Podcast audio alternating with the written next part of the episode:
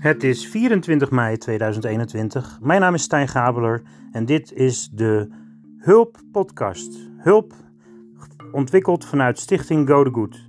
En Stichting Go The Good zet zich in om eh, online projecten te ontwikkelen, ideeën te verzamelen. En zoals bijvoorbeeld de nieuwe website n1l.nl, wat staat voor nog een liedje. Vandaag heb ik samen met uh, mijn goede vriend Carlos een liedje geschreven nog.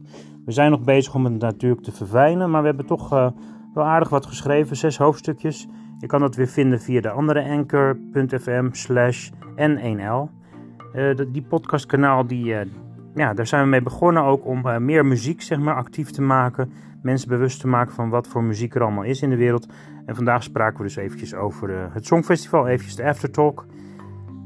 Nu ben ik zelf een beetje aan het onderzoeken op internet, pocketcasts is een goede podcastkanaal waar je zeg maar van alles kunt vinden. En daar vind je ook uh, de Hulp podcast uh, op. Uh, Hulp is een podcastkanaal dus vanuit Stichting Go The Good. En kan natuurlijk ook gewoon een mailtje ontvangen via gothegood.eu.gmail.com. En je kan eventueel natuurlijk iets vertellen over wat voor hulp jij geeft of nodig hebt. Verder zoek ik online naar hulporganisaties. Dus ik google nu bijvoorbeeld even hulporganisaties in. En dan zie ik al gauw de 10 hulporganisaties die de verklaring getekend hebben zijn Care Nederland, Cordet, HealthNet TPO, ICO en Kerk in Actie, het Nederlandse Rode Kruis, Oxfam Novib, Stichting Vluchteling, Save the Children, Warchild en ZOA. Eh, de 10 humanitarian organisaties die uh, tekenen bij Giro 555 en die werken samen. Wat doen humanitaire organisaties? Nou, humanitaire hulporganisatie omvat alle acties in zaken humanitaire hulp en overgangsacties in het kader van materiële en logistieke bijstand en van de bescherming van slachtoffers van conflicten of rampen van natuurlijke en menselijke oorsprong. Wat is een hulporganisatie? Uh, ze helpen slachtoffers met eten, drinken en schoon drinkwater, maar voeren ook reddingsacties uit en bepalen de schade in de getroffen gebieden. Verder bieden zij medische steun en opvang voor ontheemden. En wat valt er onder humanitaire hulp? Humanitaire hulp is noodhulp of hulp aan slachtoffers voor natuurrampen of gewapende conflicten. Het primaire doel van noodhulp is het redden van de levens, het verminderen van menselijk lijden en het bewaren en beschermen van menselijke waardigheid. Noodhulp wordt verstrekt in de vorm van geld, goederen en personeel, vrijwilligerswerk vaak. Nou, dan bestaat dus Giro 555, die doet veel acties en die doet uh, vaak grote noodhulpacties. Jouw gift aan Giro 555 wordt ingezet voor hulp aan slachtoffers van de rampen waarvoor je hebt gegeven.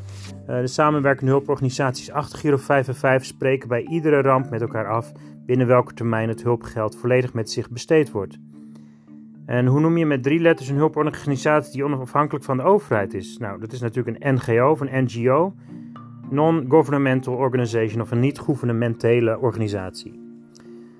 Wat is een hulporganisatie WikiKids? Een hulporganisatie is een organisatie uit rijke westerse landen die hulp bieden aan mensen in arme landen van de wereld zoals Novib of Rode Kruis. Wifikids.nl is op zich ook een mooie internetsite om meer informatie te vinden. Um, welke hulporganisaties zijn er nou in Nederland? Je hebt Longfonds, Fonds Slachtofferhulp, Rode Kruis, Reddingsbrigade, Oxfam Novib, William Schrikker Stichting, UNICEF, Vluchtelingenwerk Nederland, de Kinderombudsman Terre des Homs, Consumentenclaim, Stichting Vluchteling, Patiëntenfederatie NPCF, uh, From Centrum Seksueel Geweld, Warchild Stichting Max Havelaar, Stop Kinderarbeid. Wat is nou een humanitaire ramp? Een humanitaire ramp wordt gesproken als een gebeurtenis in een gebied leidt tot een zodanig ontwrichting van de infrastructuur dat er langdurig niet kan worden voorzien in de basisbehoeften van alle mensen in het getroffen gebied. Welke organisaties bieden hulp bij natuurrampen? Het Rode Kruis die helpt natuurlijk de slachtoffers van natuurrampen met afdelingen in 192 landen zijn de Rode Kruis wereldwijd altijd in de buurt van mensen te ontvangen, op te vangen, mensen hulp te bieden en voedsel en water uit te delen. En dat doet natuurlijk ook het leger des heils. Is uh, Giro 5 en 5 een ambi? Deze ambi-status betekent dat de stichting samenwerkende hulporganisatie geen schenkbelasting of erfbelasting hoeft te betalen over de ontvangen schenkingen en erfenissen. Giro 55 is een campagneorganisatie die bij uitzonderlijke humanitaire rampen fondsen werft voor de slachtoffers van deze rampen. Wat betekent NGOS? Een NGO is een non-profit organisatie. NGO een maatschappij, sociaal of wetenschappelijk doel. Dat kan zowel nationaal of internationaal zijn, gericht zijn bijvoorbeeld op ontwikkelingshulp of ontwikkelingssamenwerking. NGO's, NGO's werken meestal met vrijwilligers. Is het Rode Kruis een NGO?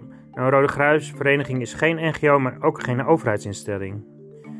Wat is het Rode Kruis dan wel? Het Rode Kruis is een wereldwijd hulporganisatie, hulpverleningsorganisatie voor mensen die in nood verkeren.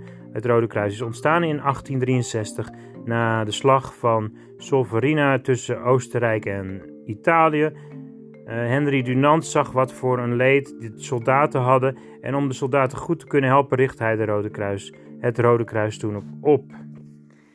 Uh, nou ja, wat doet het Rode Kruis dus tijdens noodsituaties? Uh, zorg ervoor dat jij jezelf en anderen kunnen helpen. De strikt en afdelingen van de Rode Kruis organiseren in heel Nederland verschillende lokale activiteiten. Hiermee leren we mensen hoe ze noodsituaties voorkomen en de gevolgen ervan verkleinen. Hoe komt Rode Kruis nou aan zijn geld? Als uitzonderingen ramp plaatsvinden, werken elf hulporganisaties in Nederland samen om geld op te halen van de slachtoffers. Dit doen we via Giro 55. Door samen te werken blijven de campagnekosten laag, zodat we zoveel mogelijk kunnen helpen. Alle donaties worden verzameld op een rekening. En die rekening is natuurlijk heel duidelijk Giro 555. JED Belgique Foundation d'Utile Public, Stichting voor Medisch Onderzoek voor Kinderen die lijden aan hersen- en oogziekten. Nou, zo zijn er heel veel internationale stichtingen. Join for Water bijvoorbeeld. Waar is Nederland lid van? Nederland is lid van verschillende internationale organisaties zoals de NAVO, de Verenigde Naties, de VN, de Raad van Europa en de Organisaties van Veiligheid en Samenwerking in Europa, de OVSE. Welke internationale organisaties zijn samenwerkingen tussen overheden en landen? De Verenigde Naties, de Internationale Hydrografische Organisatie, de Internationale Organisatie van voor Migratie, de Wereldhandelorganisatie, World Health Organization, Internationale Telecommunicatie-Unie, de Wereldpostum, PostUnie, World Organization of the Scout Movement, etc.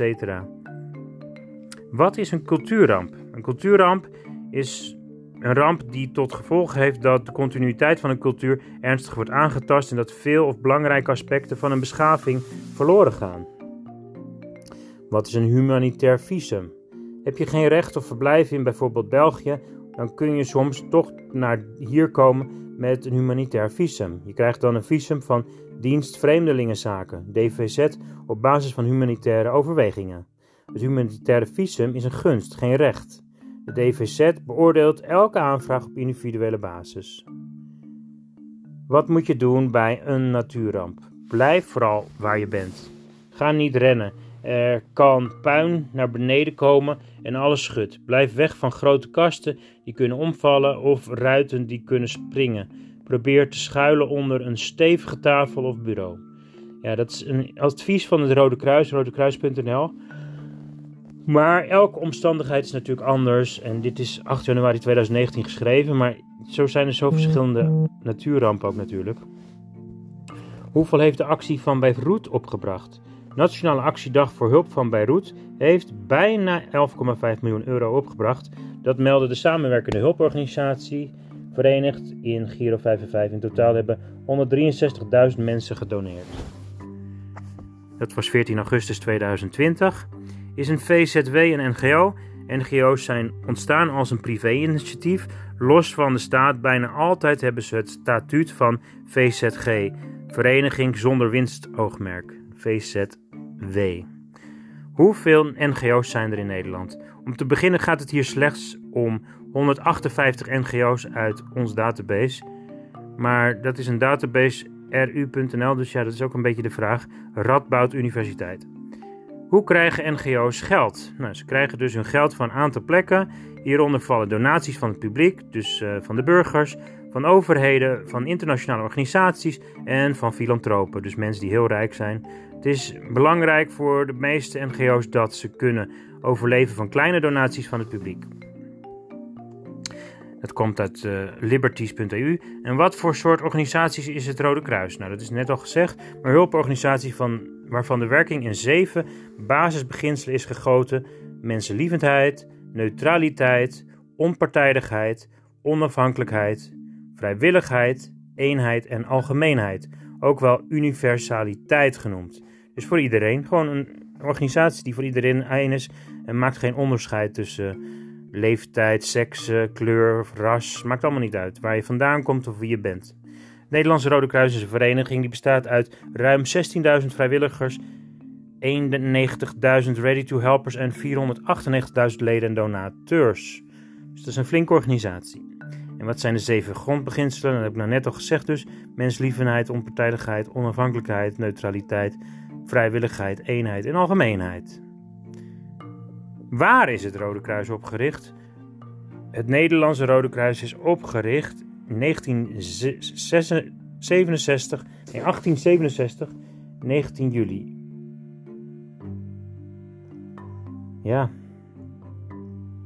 De geschiedenis was uh, de tak Levenslichting werd het Nederlandse Rode Kruis opgericht.